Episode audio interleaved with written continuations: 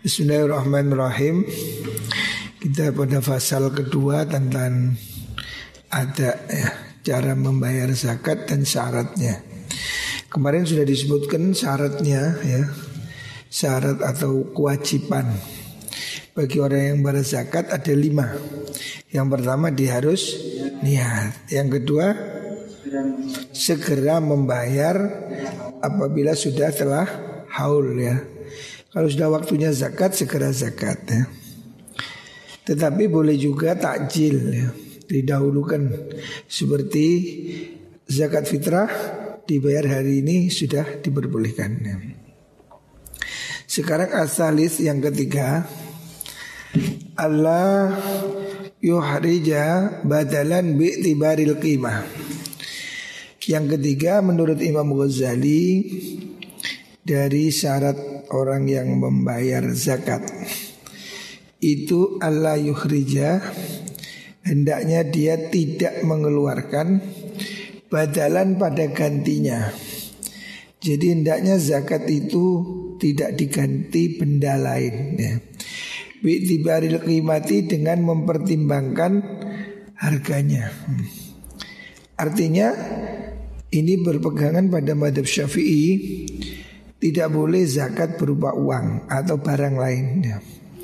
Jadi ada perbedaan pendapat di kalangan ulama yang di sini di mana Imam Syafi'i mengatakan harus berupa hal yang wajib dizakati. Tetapi madhab Hanafi mempertimbangkan kebutuhan orang dan kemudahannya memperbolehkan zakat diberikan dalam bentuk uang atau dalam bentuk benda. Dalam bentuk benda. Karena dari riwayat sahabat Mu'ad dulu dari Yaman dia memungut zakat dalam bentuk pakaian dan seterusnya. Ini khilafiyah tetapi madhab syafi'i menyatakan tidak boleh menukar zakat dengan nilai ya.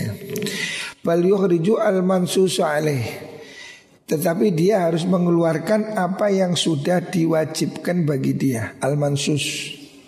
Jadi kalau zakatnya hewan dia bayar hewan. Zakatnya tumbuhan dia bayar tumbuhan. Zakatnya emas bayar emas. Zakat fitrah dia zakat beras semuanya. Jadi menurut madhab syafi'i Dan ini dikukuhkan oleh Imam uh, Ghazali di sini Tidak boleh zakat berupa uang Atau benda lain. Harus barang yang sejenis yang dizakatinya Fala wariqun an zahabin maka tidak bisa dikeluarkan perak sebagai ganti emas. Walaupun emas dan perak ini kan sama-sama bernilai ya. Pada zaman dahulu mata uang ini emas dan perak. Akan tetapi tidak boleh kalau dia wajibnya zakat emas diganti perak atau sebaliknya dia zakatnya perak diganti emas. Balyuh uh, waladabun anwarikin juga tidak boleh mengeluarkan zakat emas sebagai ganti perak. Wa in zada alaihi fil qimah. Walaupun nilainya lebih mahal ya. Jadi madhab syafi'i itu tidak mempertimbangkan soal kemudahan ataupun soal apa kebutuhan orang miskin itu sebetulnya kan lebih ke uang ya. Hari ini kalau orang kamu kasih beras, dia kan masih perlu LPG. LPG masih perlu apalagi bumbu, indomie dan seterusnya. Maka diberi uang dan dalam bentuk yang lebih mudah. Tetapi madhab syafi'i mengatakan tidak. Zakatnya beras ya beras. Biar nanti beras dijual. Nah, tidak boleh ditukar uang. Ya. Menurut madhab syafi'i. Karena menurut madhab syafi'i Zakat ini sesuatu yang ta'abud ya, sesuatu yang merupakan penghambaan, kepatuhan. Jadi kalau dikeluarin suruh bayar unta ya beri unta. Kalau zakatnya kambing beri kambing. Kalau zakatnya beras beri beras. Karena ini perintah. Jadi perintah itu tidak boleh diakal-akali gitu. Ya kamu lakukan ini ya ini gitu. Nggak, Jangan ditukar-tukar ya. Menurut madhab syafi'i begitu. Dan ini dikuatkan oleh Imam Ghazali dalam kitab Ihya ini. Adapun Imam Abu Hanifah Melihat segi kebutuhan masyarakat kepada uang itu lebih penting, lebih mudah Dan juga lebih lebih ringan ya. Bawa duit satu juta kan enteng. Kalau beras satu kintal oh kan nah, berat. Nah. Beras satu kintal berapa taruhlah berapa satu juta bawa duit satu juta kan enak bawa beras sak kintal Oh nggak kuat. Nah makanya kalau mantap Hanafi membolehkan zakat uang supaya praktis. Tapi mantap Syafi'i tidak. Mantap Syafi'i mengatakan kamu harus bayar sesuai ketentuan. Kalau zakat fitrah beras, zakat kambing kambing. Ya gitu. Wala'alla ba'dha man la yudriku gharadha syafi'i radhiyallahu anhu yatasahalu fi dhalik. Imam Ghazali mengomentari mungkin ya Pak Doman la yudriku sebagian orang yang nggak nutut ya. Tidak nututi tidak memahami gharadus syafi'i pada tujuan Imam Syafi'i yang mengatakan tidak boleh diganti uang atau benda. Ya tasahuf ya tasahalu itu sembrono nggak gampang Fizalika di dalam masalah timah itu Artinya Imam Ghazali kekeh mengikuti pendapat Imam Syafi'i bahwa zakat tidak boleh diganti uang, tidak boleh diganti benda lain. Umpamanya zakat dalam bentuk pembagian sarung tidak boleh menurut madhab Syafi'i. Harus zakatnya padi ya padi, zakatnya emas ya emas gitu. Kali menurut madhab Hanafi boleh ya. Zakatnya tuku berupa sembako, zakatnya tuku pakaian dia berupa baju boleh aja kalau menurut madhab Hanafi.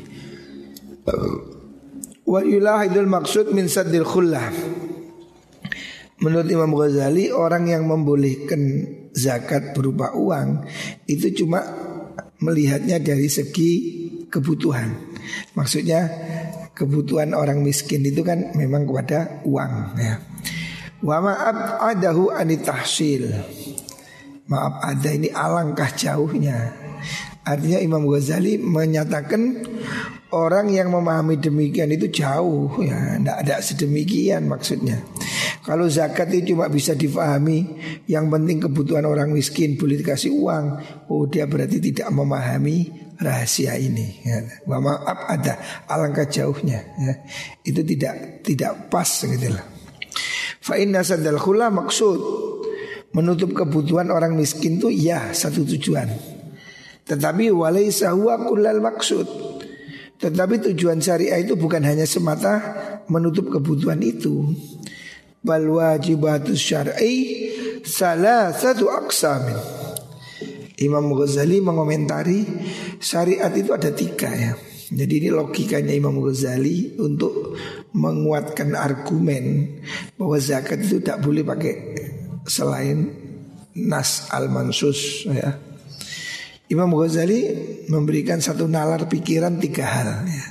Begini Imam Imam Ghazali memahamkan begini Syariah itu ada tiga macam ya Tujuan syariah Kismun wa ta'abudun mahlun Satu ada syariat itu yang bersifat murni ibadah Ta'abud penghambaan total ya La madkhala lil khudur wal agradi fihi yang di situ tidak ada tempat untuk kita diskusikan atau kita apa gali ya apa kemauan-kemauan yang lain. Murni memang harus dasarnya itu manut patuh ya.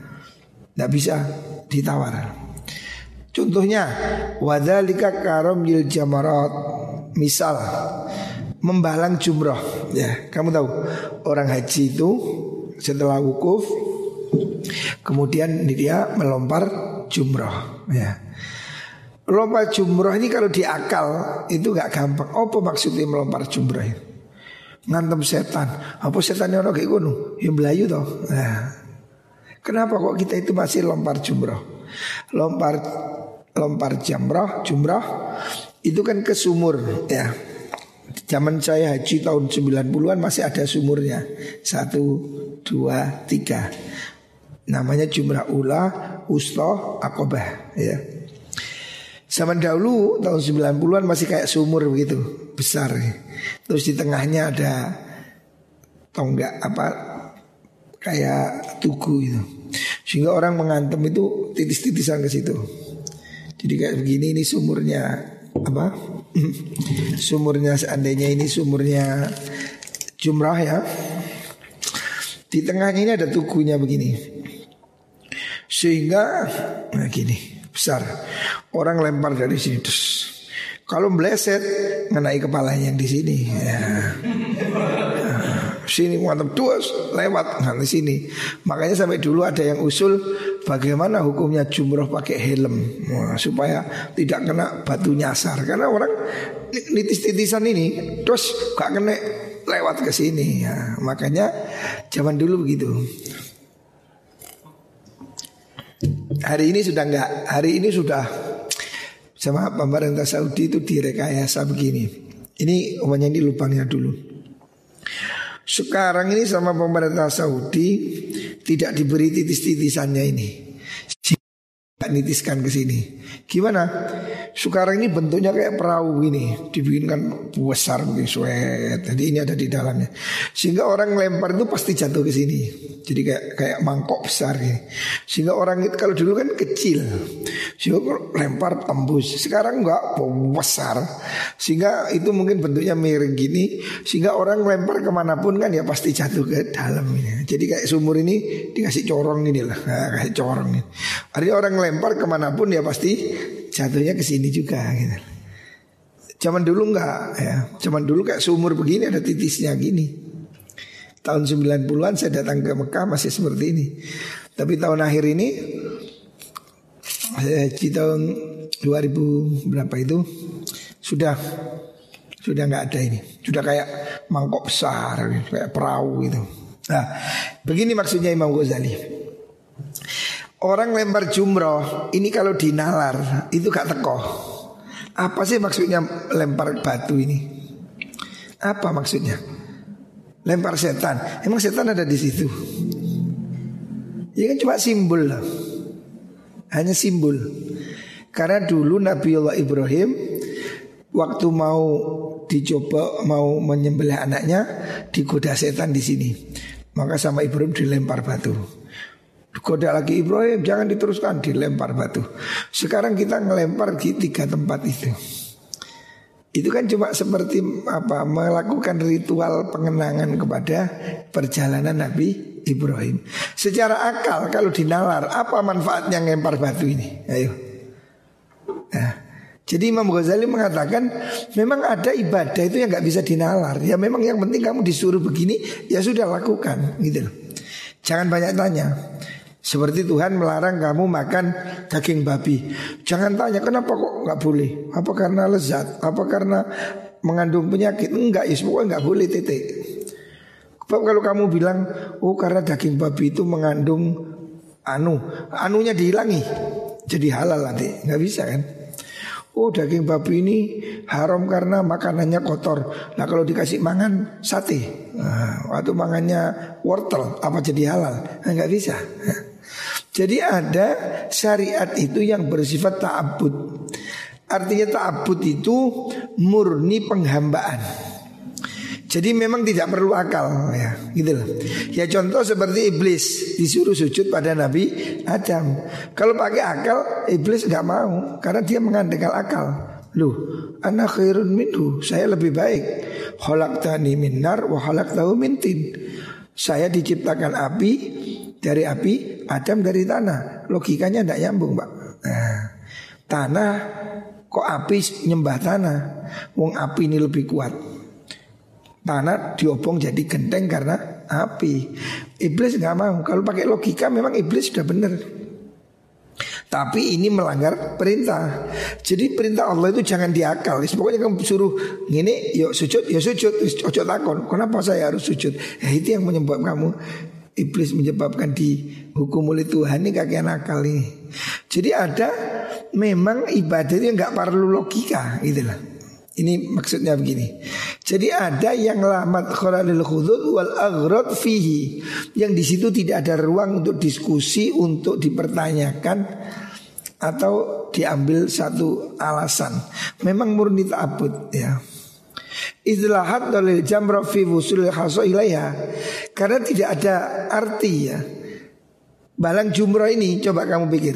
Balang jumroh batu dihantam masuk ke sumur. Apa gunanya? Wong nanti dari sumur itu dikeruk, ditok nomane Dilebok nomane Apa maksudnya? Hah? Ini kalau di akal ya, akal cetek-cetekan Gak nutut gitu loh. Tapi apa kemudian kita Wah enggak saya enggak mau Enggak logika. Apakah mau begitu? Enggak bisa. Ya kamu harus patuh Itu perintah Tuhan. Kamu suruh balang Ya sudah balang. Perkara kon gak nutut pikirin Perkara kamu gak merasa ini gak rasional Itu soal lain. Tapi kamu harus tunduk. Ya, Inilah di situ ibadah Ta'abud, kepatuhan. Kalau dipikir logika Ngapain batu dimasukkan sumur? Tahu kamu?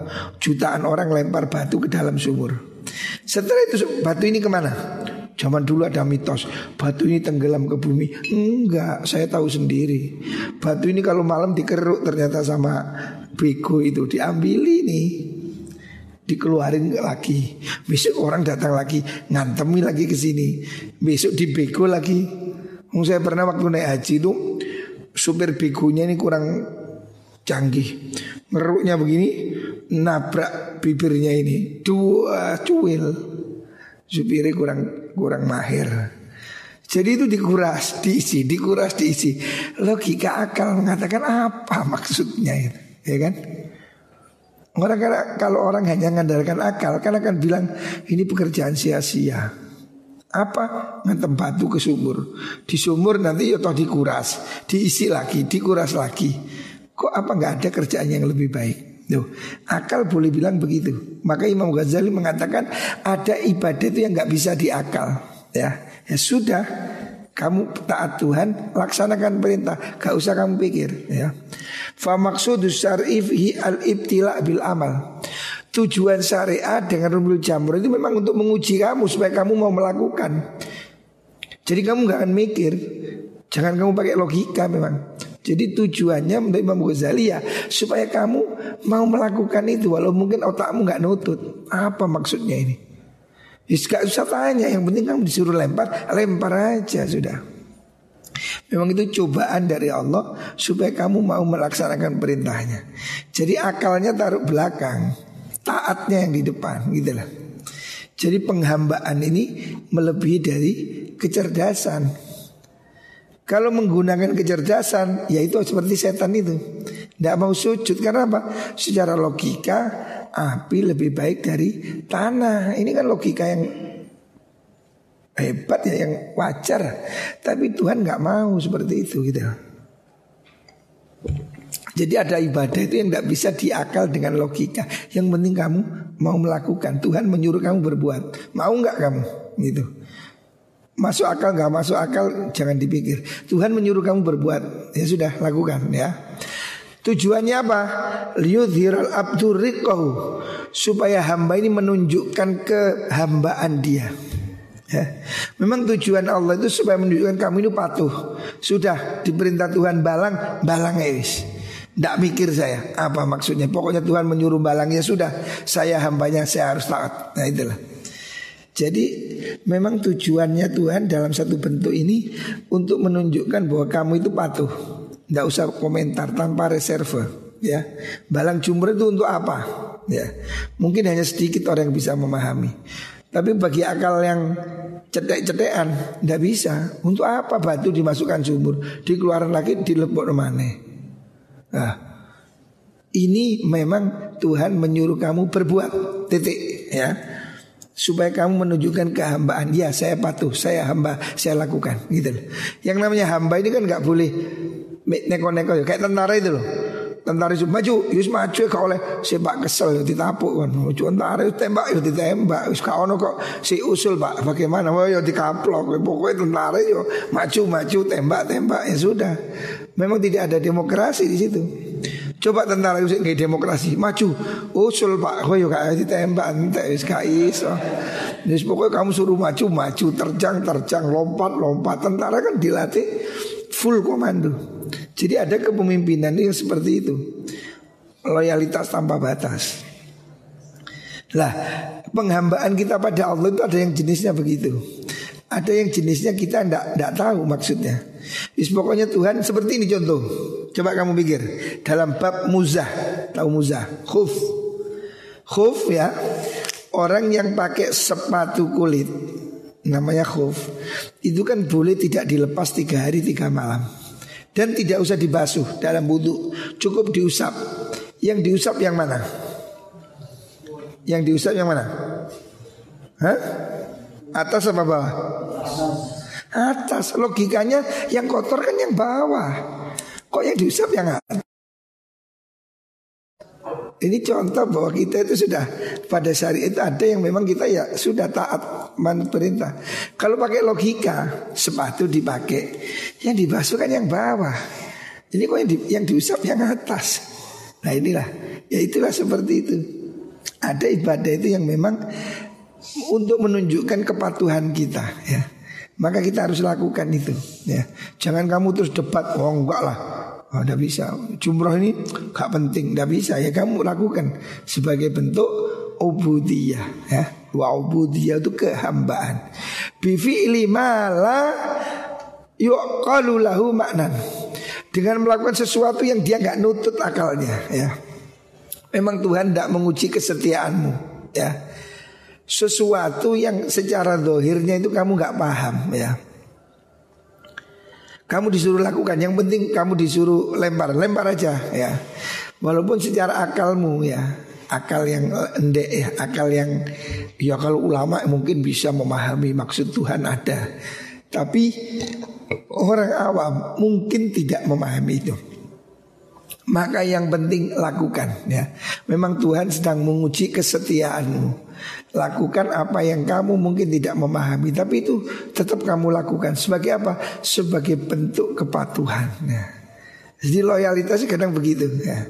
Memang melakukan sesuatu yang Ya seperti dalam militer itu Kan tidak ada itu tentara dikaplok bales juga ono. Ya pokoknya dia harus maju maju. Ya itulah mereka komandonya sudah tidak perlu mikir seperti mesin sudah. Ya, ada yang begitu. Syariah itu ada yang begitu. Yang di kita tidak ada tempat untuk melakukan apa persepsi kita. Jadi sudah kamu Tuhan disuruh lempar jumrah, lakukan. Kamu gak usah mikir kenapa batu dilempar. Kenapa kok gak ditutup? Kenapa kok gak apa mana? Apa yang kamu pikirkan ya? Sama dengan Nabi Ibrahim ketika disuruh nyembelih anaknya. Cara logika itu kan gak masuk kok anak dibeleh itu loh. Ibrahim kan bisa mengatakan wah jangan guyon lah anak kok dibeleh kan bisa begitu. Tapi Ibrahim kan tidak tidak mendahulukan logika kan. Ya sudah, saya disuruh nyembelih anak saya, saya lakukan. Ya.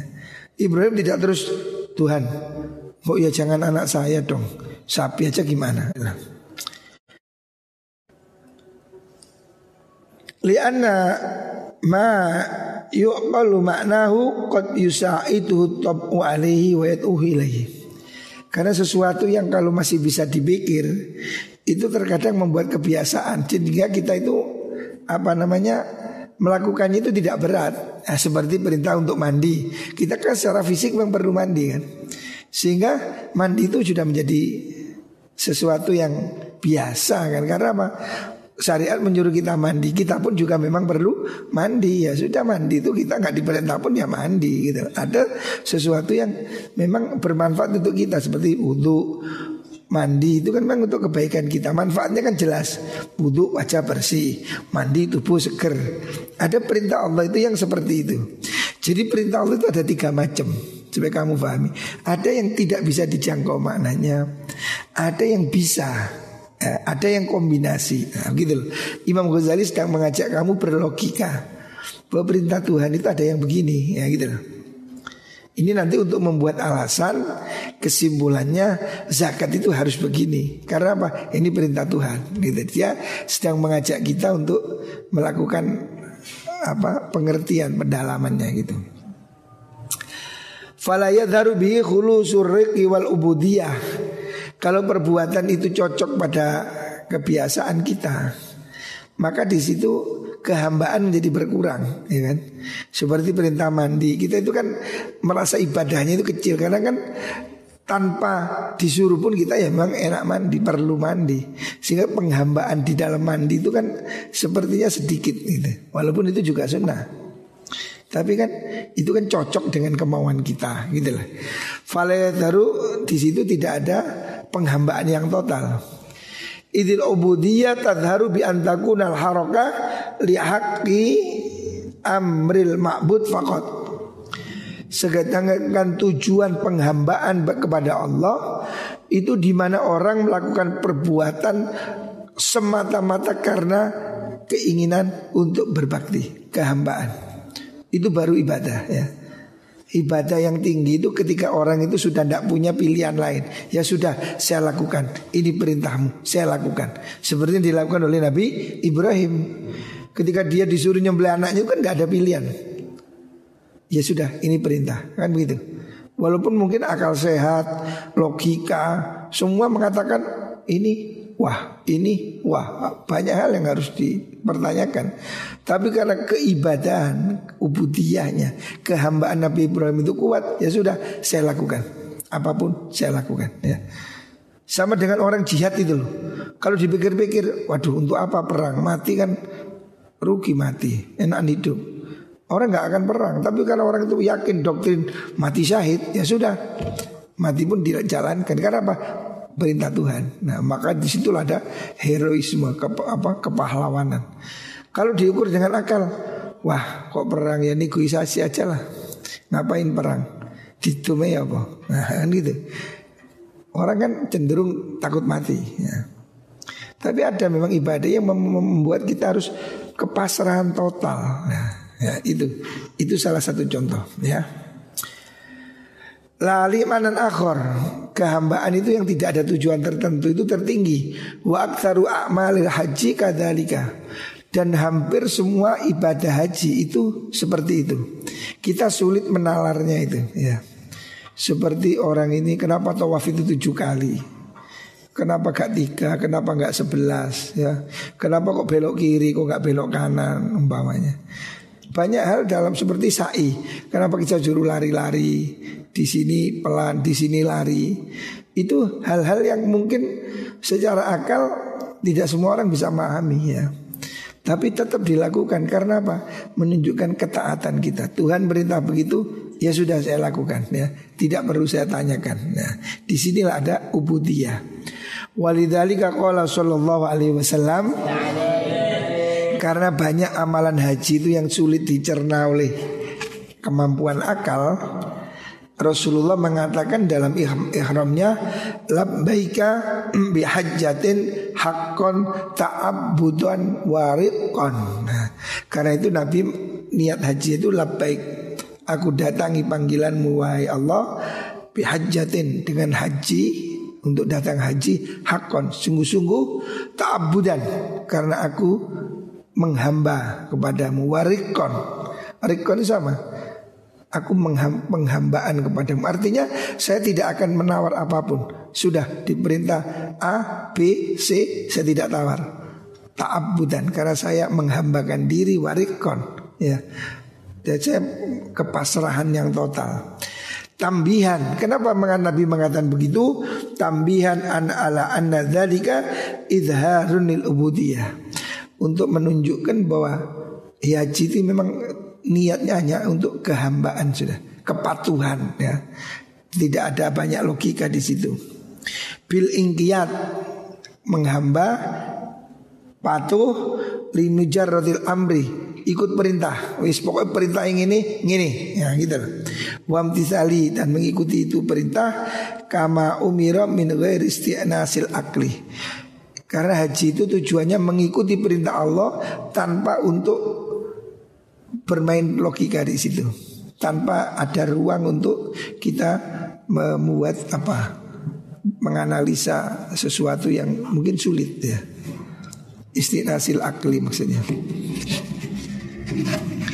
Tidak ada di situ apa ruang untuk diskusi dengan akal bima yumilu ilaihi wa yahutsu alaihi dengan sesuatu yang disukai oleh akal atau yang didorong oleh akal ya.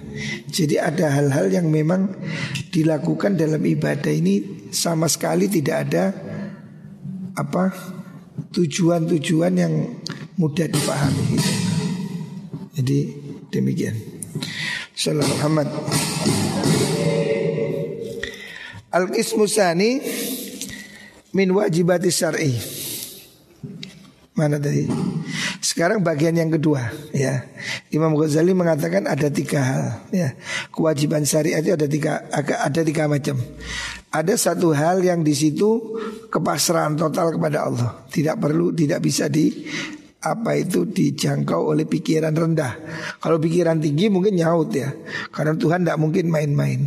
Tapi maksudnya secara awam orang awam itu tidak nutut gitu loh. Ada yang begitu. Yang kedua Al-qismusani min wajibati syar'i mal maksud min hadzun ma'qul. Ada dari kewajiban syariat ini yang tujuannya itu sesuatu yang jelas, jelas, manfaatnya jelas. Walai sayuk suatu minut abud. Di situ tidak ada unsur kehambaan. Jadi ada sebaliknya ya. Tadi Imam Ghazali mengatakan ada satu amalan itu yang murni penghambaan di mana kita tidak tahu manfaatnya itu untuk apa kita tidak tahu. Tapi ada sesuatu yang jelas manfaatnya. Bahkan di situ mungkin tidak ada penghambaannya. Contoh apa? Nyaur utang. Nah, nyaur utang itu penghambaannya di mana? Nyaur utang itu kan jelas tujuannya jelas apa? Memberikan hak kepada orang yang yang apa harus diberikan ya. Kamu nyaur utang, ya kan?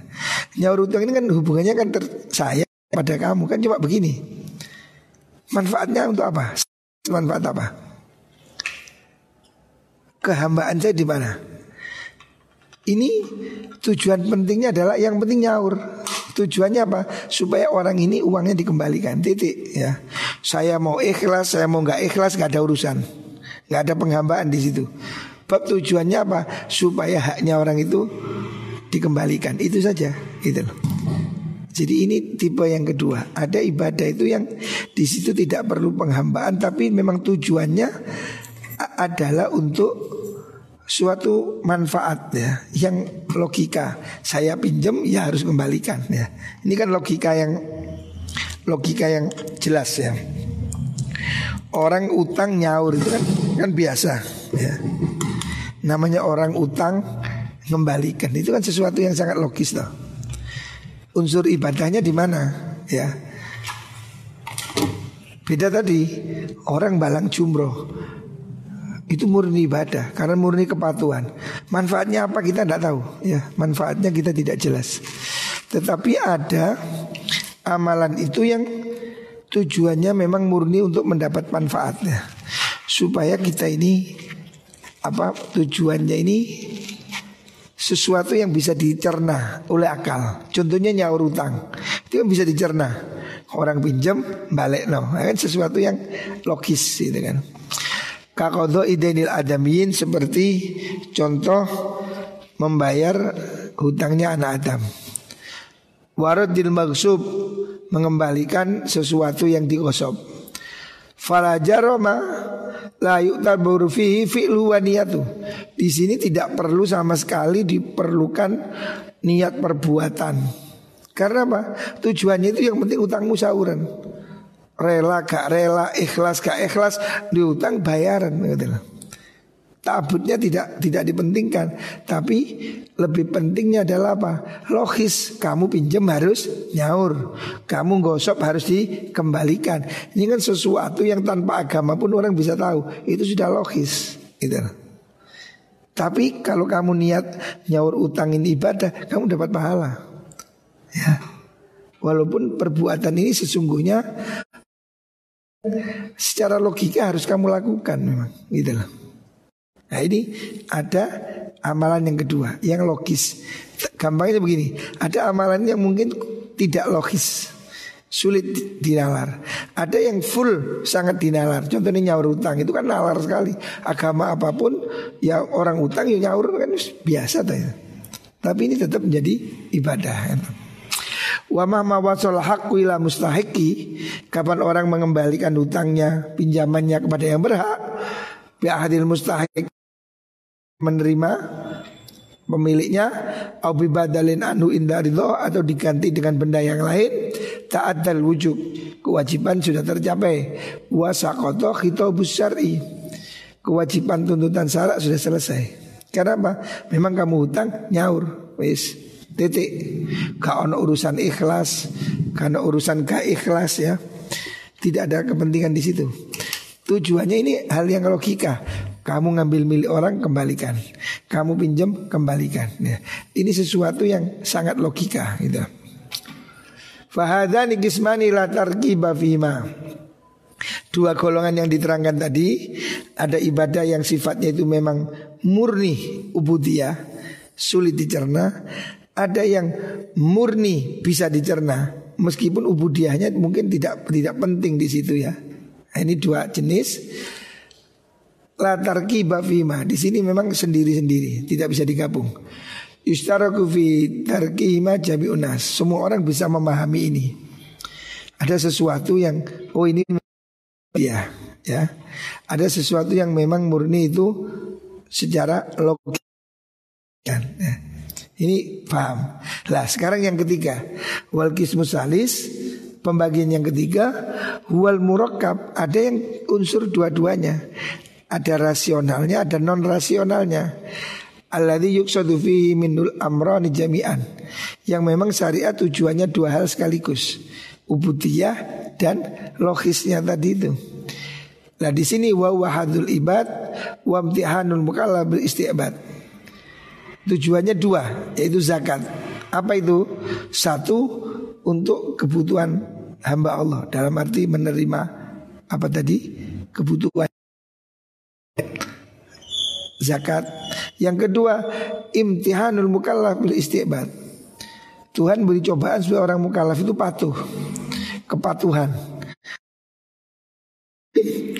Zakat fitrah misalnya harus dengan beras. Supaya apa? Kamu patuh. Tuhan menyuruhmu beras. Ya sudah lakukan beras. Saya ganti uang nggak bisa. Tuhan menyuruhmu beras. Lu kan tujuannya kasih orang miskin. Iya, kasih orang miskin itu satu sisi, kepatuhan satu sisi. Makanya jangan diganti. Ya gitulah. Fa'tami fihi ta'abbudu ramil jimar wa halu radil hukuk. Di sini dalam zakat ini ada dua ada dua segi. Satu seperti orang malang jumroh tadi yang nggak bisa logika. Artinya apa? Zakat fitrah itu harus beras, tidak boleh di logika. Yang kedua, dia rodul hukuk, Tadi kan nyaur utang itu logis. Lah, memberi orang miskin itu kan logikanya betul supaya dia tidak kekurangan. Tapi di sini ada dua hal. Dari segi penerimanya dia mendapat manfaat zakat. Dari segi yang mengeluarkannya dia patuh pada perintah Gusti Allah. Lah, zakat ini menurut Imam Ghazali kategori ibadah yang ketiga. Yang mix campuran antara ta'abud dan antara sesuatu yang bisa di logika. Nah, itu di sinilah. Jadi ibadah ini memang ada dua ada dua jenis ya. Makanya kita itu harus ada iman pada hal yang gaib. Banyak yang mungkin di logika gak bisa, rek. Alam gaib umpamanya kamu tanya, siksa kubur ono apa ora? Ono. Si tak rekami, gak ono coba rekam. Lu ya apa? Apa berarti tidak ada siksa kubur? Lah ini kan menyangkut iman, ya kan? Mungkin kamu tidak dengar Dipasang rekaman pun tidak dengar Dipasang video pun nggak kelihatan ya Tapi kamu percaya Nah itulah Jadi ada memang harus kamu yakini ya Itu iman Walayam bagi ayyan sa'adak kal maknayen dan jangan lupa ada yang lebih penting dari dua arti itu Wahwa ta'abud Yaitu ada penghambaan. Wal istirqaq Dan kehambaan. Artinya merasa diri sebagai betul-betul hamba. Bisa babin ajlahuma. Bisa babi ajlahuma. Dengan dua sebab yang menampakkan dua hal tadi antara logika dan tidak logika wala al al adak huwal aham. Mungkin yang lebih penting di sini itu yang lebih penting gitu ya. Karena ini pemahamannya dari dua, dua, dua sisi seperti tadi. Antara logika untuk memenuhi hajat orang miskin Dan antara kehambaan kita patuh perintah Allah. Wa min hadal qabil. Zakat ini dari golongan yang ibadah yang ketiga ini. Walam yatanabbah lahu ghairu syafi'i radhiyallahu anhu. Dan banyak yang tidak paham selain Imam Syafi'i ya. Yang paham ini cuma Imam Syafi'i. Artinya menurut Imam Ghazali lah ya. Menurut versi Imam Ghazali Yang bisa paham ini hanya Imam Syafi'i. Yang memahami ini hanya Imam Syafi'i. Makanya Imam Syafi'i kekeh Tidak boleh mengeluarkan zakat dengan benda lain ya. Fahadul fakir maksudun min sadil khullah. Bagian orang fakir yaitu memenuhi hajat itu jaliun, itu jelas. Sabikun ilal afham, mudah diterima akal. Wahakul ta'abbud fit tiba tafasil maksudun syar'i. Tapi dari segi orang itu harus memenuhi kriteria syariat Zakatnya beras bayar beras, jagung bayar jagung, onta bayar onta, emas bayar emas secara perinci ini perintah syariat, ya kan? Padahal walaupun kalau secara ekonomi kan sama, duit bisa beli emas, duit bisa beli apa? Sapi, beli kambing, tapi kan syariat ini baterainya yang habis. Wabitibari so wabitibarihi Syarat zakat atau sholah Karena di sini ada dua sudut pandang itu Zakat ini layak untuk digandeng dengan sholat ya. Aqimus sholah wa atuz zakat. Wal haj digambar dengan haji. Fi kauniha mimbabanil Islam. Zakat ini dari pokok ajaran Islam. Walasaka fi anal mukallaf Anna alal mukallaf ta'ban Fi tamyizi ajnasi malih Memang ini membuat orang jadi sulit, ya kan? Makanya begini ya. Saya punya simpanan emas, saya punya kebun kurma, saya punya bisnis, saya punya emas, saya punya lima macam zakat. Ini kan agak sulit. Emasnya saya bayar emas, beras saya bayar beras, yang unta saya bayar unta. Ini kan agak sulit, ya. Agak sulit. Tapi justru sulit inilah ibadah gitu kesulitan inilah yang memang kita ini supaya mau apa menggunakan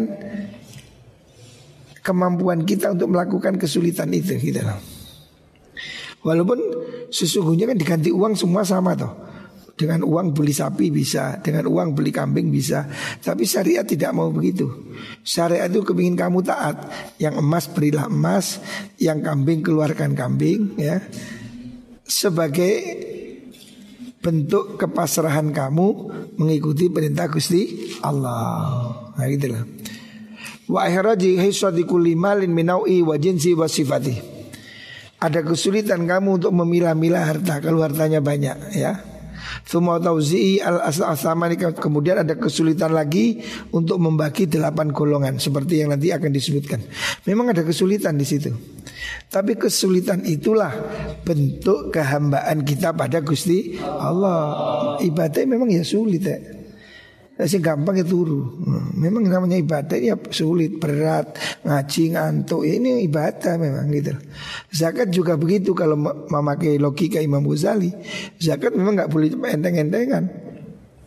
Makanya harus dipisah-pisah Yang zakatnya kambing bayar kambing Yang zakatnya unta bayar unta Yang zakatnya padi bayar padi Yang zakatnya kurma bayar kurma Tidak boleh diganti uang Lu kan sulit ya, Sulitnya ini lu ibadah gitu loh Menurut Imam Ghazali Adapun menurut Imam Hanafi Gak perlu begitu. Yang penting tujuannya Membantu orang miskin. Sebagai duit ya. Ini dua sudut pandang yang Berbeda ya. Sallallahu Muhammad. Wa tasawul fihi ghairu qadin fi haqqil fakir Memang memudahkan hal ini Artinya kalau kita mau bilang zakat cukup dibayar uang Itu memang tidak merugikan orang fakir Karena orang fakir itu Kamu kasih beras 50 kilo Dengan kamu kasih uang 500 ribu Dia no problem podo penai ya. Walakin nahu qadihun ta'abud. Tetapi itu kalau kamu beri uang, kamu kurang ta'abudnya, kehambaanmu kurang. Kamu golek penai. Golek penai ini tidak boleh dalam ibadah. Menurut Imam Ghazali ya.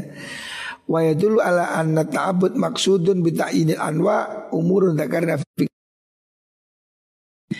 Imam Ghazali mengatakan bahwa ta'abud ya kehambaan, kepatuhan itu tujuan daripada kenapa zakat itu harus dipilah-pilah. Ya, ini saya terangkan dalam kitab fikih. Mengapa zakatnya kambing kok harus kambing? Kan pakai uang juga sama. Kenapa zakatnya unta kok dihitung unta? Kenapa tidak diberi beras? Di sini kata Imam Ghazali, di sinilah unsur ta'abud. Kepatuhanmu itu di sini, diuji. Ya, itulah. Wa min awdahya Nasar'a aujaba fi ibilisatun Imam Ghazali kasih contoh lagi Ini logika supaya kamu faham dari keterangan ini Begini kata Imam Ghazali Contoh yang gampang Coba perhatikan Syariat mewajibkan Setiap orang punya lima ekor onta Masih ingat kemarin ya Kalau orang punya lima onta harus mengeluarkan zakat apa? Satu ekor Satu ekor kambing, oh, satu ekor unta ya gak kuat nah. Lima ekor unta zakatnya satu ekor kambing. Ya, is, coba lihat. Fa'adalah anil ibil ilasat. Syariah memindahkan punya unta lima zakatnya bukan unta tapi zakatnya adalah kambing ya paham ya walam ya'dil ilan nakdaini wa Syariat tidak menyuruh kamu zakatnya itu prosentase. Contoh begini loh ya. Umpamanya 5 ekor onta harganya A 20 juta. 20 20 20 berarti nilainya berapa? 100 100 juta ya. Kenapa syariah mewajibkan zakatnya itu berupa kambing? Kok gak bilang begini? Zakatnya lima ekor onta adalah 10 persen. Nah, 10 persen boleh dibayar beras, boleh dibayar uang. Nah, kenapa tidak begitu? Kenapa syariat kok milih kambing? Ya. Kenapa? Ini kan sesuatu yang akal kita sulit menjangkau. Kenapa sih kok harus kambing? Kok bukan ayam? Kok bukan uang? Ya. Terus Wa in kuntiro anna dzalika likin latin nukut fi aidil Arab. Kalau kamu kemudian berargumen, oh ya diberi kambing karena apa? Zaman itu mata uang cuma sedikit. Oke, kalau kamu punya alasan begitu. Kenapa kok diberi kambing? Ya karena zaman itu uang sulit. Yang gampang kambing. Oke, kalau jawabannya begini dibantah oleh Imam Ghazali. Batola argumen ini batal. Ini kalau main logika Lima ekor unta zakatnya satu ekor kambing Kenapa kok kambing? Kenapa kok tidak uang? Oh karena uang zaman itu sedikit gampangan kambing Ini argumen ini Kenapa? Batola bidikri isri nadirhaman fil jabron ma'asata ini Ini logika ini dibantah Imam Ghazali karena begini Karena kalau terjadi penghitungan zakat Kemarin kan sudah ada cara hitung zakat. Kalau orang itu wajibnya zakat itu kemarin kan ada ada berapa macam unta? Hah? Ada berapa? Pintu mahot, pintu labun, hikoh, jaz'ah Ya kan ada empat unta Kemarin kan dibilang dalam bab zakat Kalau orang itu harusnya mengeluarkan unta Yang kedua ini apa? Pintu labun ya kan unta umur 2 tahun. Dia bayar pakai unta umur setahun. Ini boleh, boleh apa tidak? Boleh tapi dia harus membayar sisa 20 ekor 20 dirham ya. 20 dirham. Paham kamu? Ngerti gak kemarin saya terangkan? Orang itu kalau wajib mengeluarkan zakat Kan unta itu ada empat grade. Pintu mahot umur setahun. Bintu Labun umur 2 tahun. Hikoh umur 3 tahun. Jaz'ah umur 4 tahun. Kalau kamu mestinya wajib mengeluarkan jaz'ah Umpamanya. Tapi kamu cuma punya unta hikoh Selisih satu tahun. Diperbolehkan. Tetapi kamu harus nambah 20 dirham. Iya kan? Ini logikanya. Nah, berarti kan ada perhitungan uang 20 dirham. Kenapa kok gak selisihnya? Padahal katanya tadi logikanya kurang uang. Nah ini kok gak di selisih setahunnya kok gak dibayar kambing, tapi disuruh ganti dengan uang. Berarti uang itu bukan alasan. Itulah. Fali malam yudhkar fil jebron Aksan minal kima. Ini logika cerdas Imam Ghazali. Kalau memang apa itu alasannya zakat tadi bayar kambing karena kurang uang. Kenapa kalau kurang tahun kok dibayarnya dengan uang bukan dengan kambing? Nah ini kan logika yang sulit dicerna. Logika akalnya kan harusnya kan bayar onta kurang satu tahun ditambah satu ekor kambing. Kenapa kok Rasul mengatakan tambelnya ini bukan kambing tapi uang? Padahal kalau langsung dibayar uang, kambing dikasih uang tidak boleh. Nah, ini loh sesuatu yang sulit di nalar ya. Tapi ini diajarkan oleh Nabi, ya kita harus patuh. Nah, artinya argumen Imam Ghazali ini untuk menguatkan bahwa dalam zakat ini ada hal yang tidak boleh direka. Makanya zakat beras bayaran beras, jangan direkayasa dibayar pakai sarung atau dibayar pakai uang nggak boleh ya. Jangan diganti ya. Walima kudira bi isri dirhaman wasata ini ingkana siap wal amti akula fi.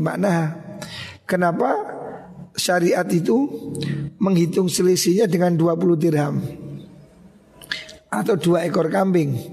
Kenapa kok nggak disuruh dihitung boleh diganti baju 10 atau boleh diganti apa namanya kuda atau boleh diganti apa peralatan kan tidak bisa. Ini argumen Imam Ghazali untuk menguatkan bahwa zakat tidak boleh ditukar maksudnya. Artinya Imam Ghazali keke pada madhab syafi'i zakat fitrah bawahnya beras wajib bayar beras, tidak boleh diganti uang. Nah gitu. Makanya kita gimana? Ya kalau bisa ya sudah ikut madhab syafi'i bayar beras saja sudah. Karena kalau kita bayar uang itu khilafiyah gitu. Fahada wa amsalu Ini contoh-contoh yang istimewa. Ya dulu ala zakah Lam Lam tutrak Ini logika yang diajukan Imam Ghazali.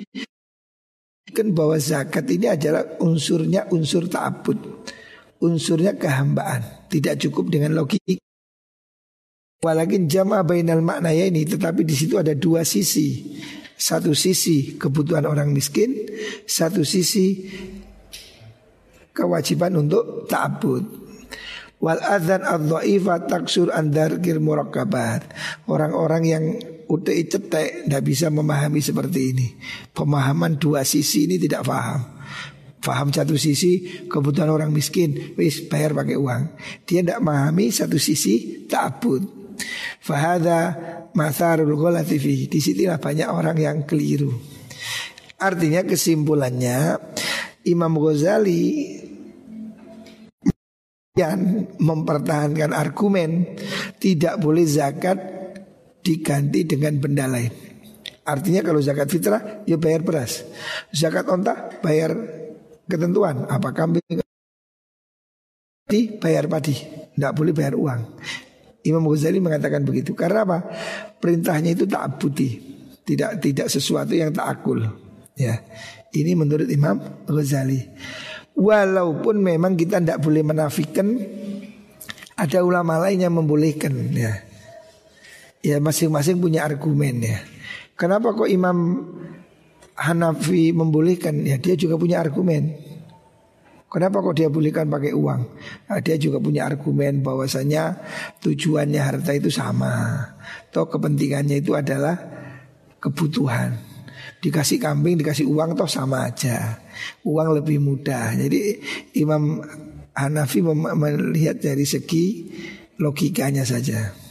Tapi Imam Ghazali memandang dua hal, logika iya, ta'abudnya iya. Makanya di sini ada dua pendapat ya. Ini contoh konkretnya zakat fitrah pakai uang boleh apa tidak? Nah, Menurut Imam Ghazali tidak boleh ya, karena itu tak abudi. Kalau wajibnya beras ya beras, jangan diganti. Tetapi menurut madhab Hanafi boleh. Karena apa? Orang fakir itu tujuannya tercukupi kebutuhan, baik dengan beras ataupun dengan uang.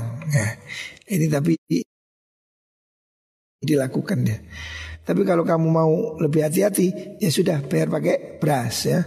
Makanya besok supaya iki Mirza zakat nang iku iku siapa jadi Aduh, betul zakat nang dandi dandi zakat nang iku. Iki sak sak plastik sak mupeng itu kok kono. Karena apa? Orang terima zakat dia wajib zakat ya, ya zakat terus zakat zakat zakat boleh aja ya boleh ya. Ya, yes, muka-muka kita diberi rezeki yang berkah.